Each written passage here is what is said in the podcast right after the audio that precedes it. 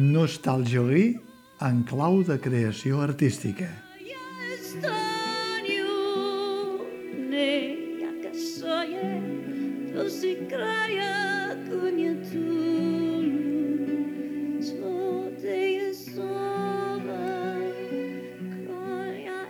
Gairebé deu anys després, la companyia franco-catalana formada per Blai Mateu i Camille de Courtí han recuperat el que va ser la gènesi de la seva trajectòria en aquesta última dècada.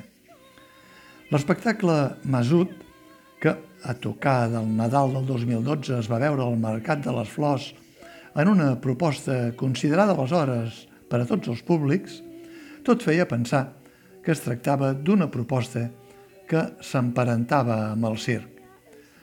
De seguida es va constatar, però, que la intenció dels dos creadors d'aquell espectacle fugia dels seus orígens per trobar un llenguatge nou, universal, creatiu i tan personalíssim com lliure de prejudicis i etiquetes que han anat confirmant amb espectacles tan fascinants com Bèsties, aquest sota carpe, La o Falès.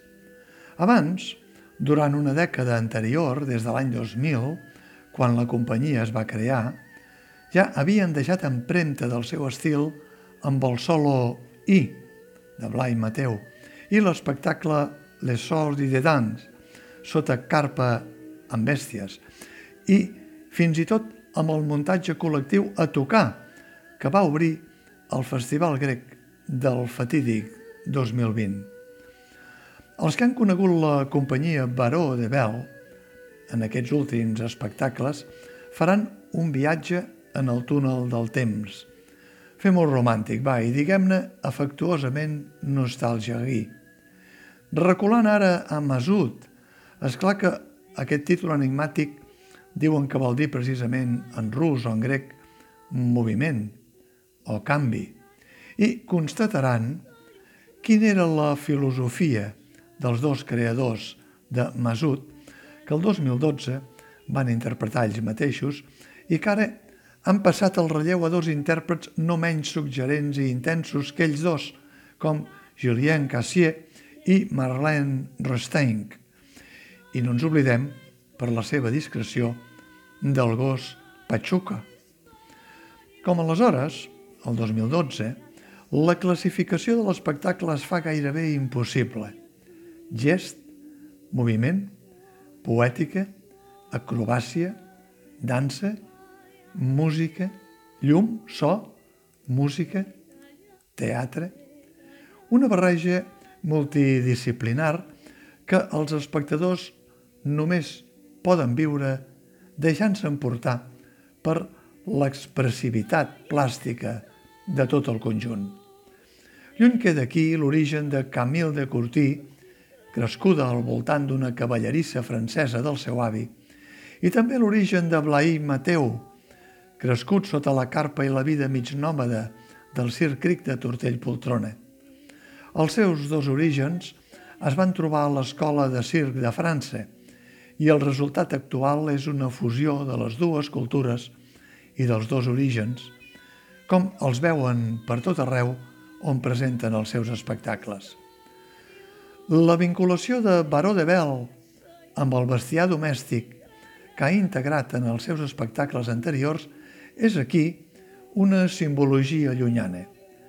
El cap de cavall, en podem dir cap gros, sense ofendre, per ser honestos amb la cultura pròpia, és una premonició de les meravelles que després farien amb el cavall de carn i os sota la carpa.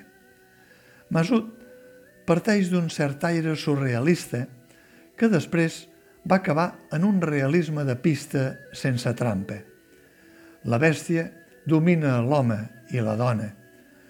L'aigua, més ben dit la gota, les gotes persistents d'aigua de Masut també dominen la fragilitat domèstica, la veu, la cançó, el paper, la taula de l'escriptori, fins i tot el maquillatge dels personatges que es veuen empesos per una partitura milimètrica que passa de la violència a la tendresa i de la tendresa a l'esclat poètic. El canvi, mesut, tant es pot esdevenir transitant cap a la tristesa o al drama, com cap a la incertesa i, malgrat tot, la felicitat dels dos personatges. La companyia Baró de Bel és una denominació d'origen que el gourmet teatral no deixa escapar sempre que la té a tocar. Com a mostra, un botó, tot esgotat, el lliure de gràcia abans de començar. Llàstima del 30% de localitats que les renovades restriccions pel coronavirus s'han autoempassat, deixant de nou les sales amb l'incomprensible 70% d'aforament, malgrat les mascaretes i totes les mesures de seguretat. Un temps convuls que també espera de l'Arós com baró de Bel el seu canvi, el seu mesut.